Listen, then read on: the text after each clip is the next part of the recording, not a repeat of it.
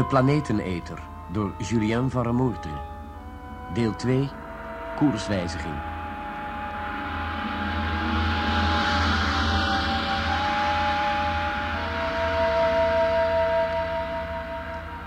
Het zal wel overbodig zijn u opnieuw aan de grote maanbeving van juni 2084 te herinneren. Als mede aan de gebeurtenissen die dat onverklaarbaar natuurverschijnsel vergezelden. Onder meer de verdwijning van de twee permanente ruimtelabs en het met zoveel mysterie omgeven opduiken van de bemanningsleden van Beta 2. Ze werden namelijk, zoals u weet, op aarde teruggevonden en ze verkeerden in, laat ik het zo maar noemen, deplorabele toestand. De specialisten van ons ruimteziekenhuis slaagden erin de drie astronauten, Erika Blanker, John Doren en Peter Landsheer weer op te kalevaten, althans lichamelijk.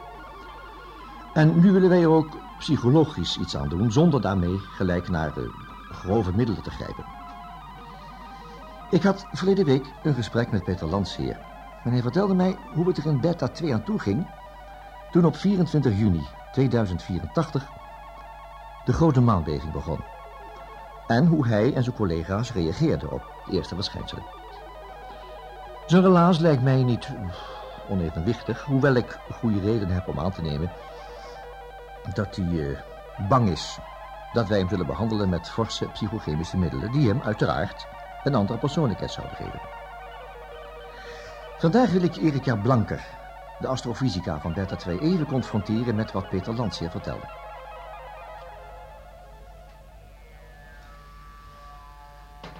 Nou, Erika, hoe voel je je?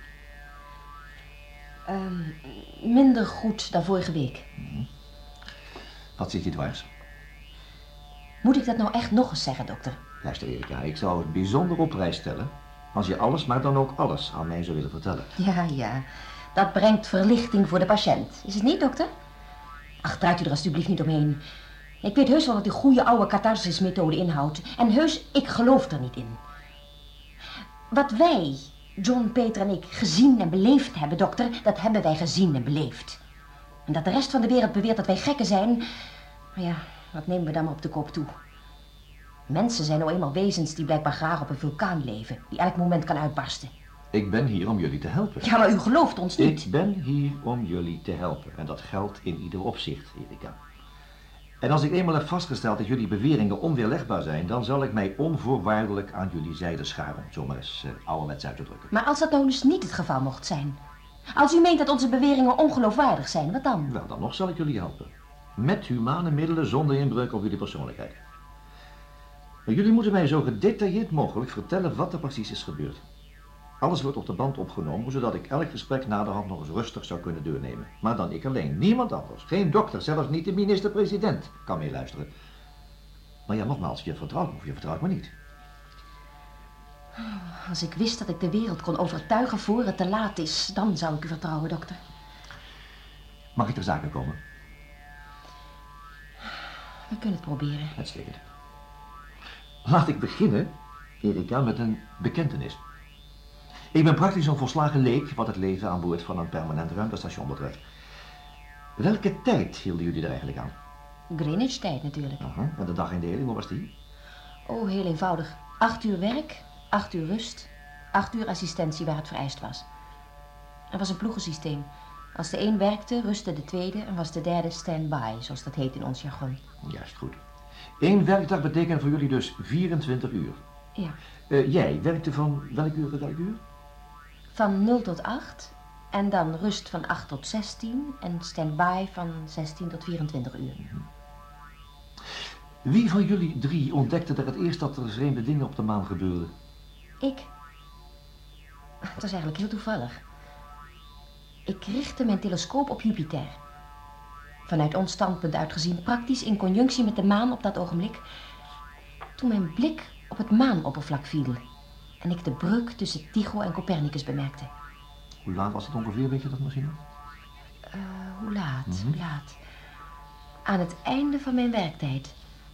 Dus laten we zeggen omstreeks acht uur. Juist. Acht uur, ja. En ik herinner me nog dat Peter mij moest aflossen. En John was toen ook al op. Hij sliep nooit meer dan vier uur achter elkaar. Wacht even, wacht even. Luister eerst even wat Peter vertelde. De eerste symptomen waren al merkbaar op de 24 juni, omstreeks 12 uur Greenwich Mean Time. 12 uur? Nee hoor, het was beslist vroeger.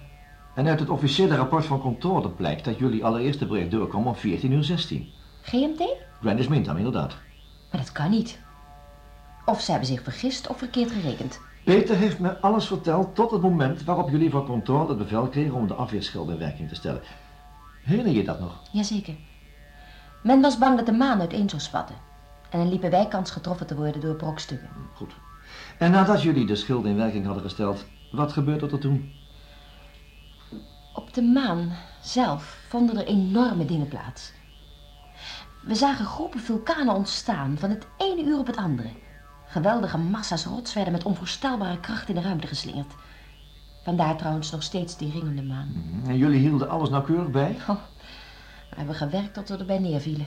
Drie dagen aan één stuk, hoor. Ja, tuurlijk. Want u begrijpt wel dat het voor ons erg opwindend was. Ja, ja, ja. Jullie bleven permanent in contact met controle. Dat hebben we wel geprobeerd. Maar met het uur werd de verbinding slechter. Toen waren wij ten lange leste wel verplicht op eigen houtje maatregelen te nemen. Ja, vertel eens, Erika. Het radiocontact met Beta 1 bleef nog een poos redelijk goed.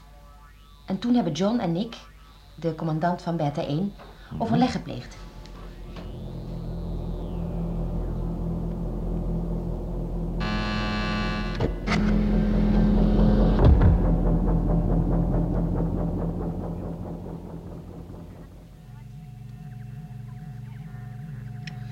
Eh, ja, ik denk dat wij het risico niet mogen lopen dat we elkaar volkomen uit het oog verliezen, Nick.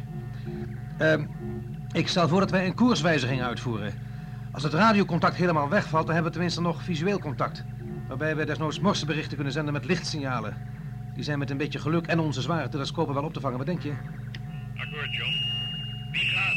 Jullie of wij? Eh, ik heb al een voorlopige koers uitgezet, valt nog te corrigeren. Dus wij blijven in onze baan? Jawel, maar het is niet zeker dat jullie er ook niet uit moeten. Ik moet het nog berekenen, oké? Oké, straks over en uit.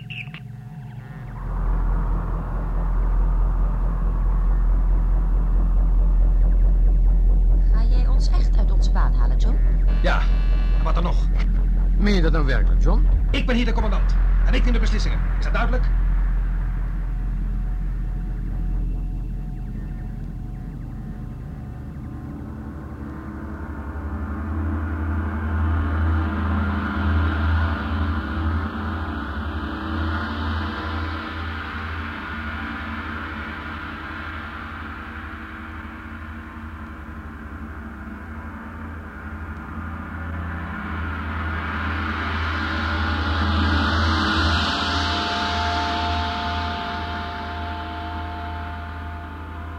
Jullie hebben geluisterd naar het tweede deel van de Planeteneter, Koerswijziging, door Julien van der Moerter.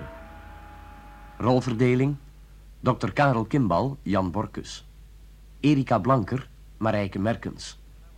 Peter Landsheer, Hans Karsenbarg. John Doorn, Hans Weerman. Nick Ponta, Frans Kokshoorn. Technische realisatie, Tom Prudon en Bram Hengeveld. Regie, Bert Dijkstra.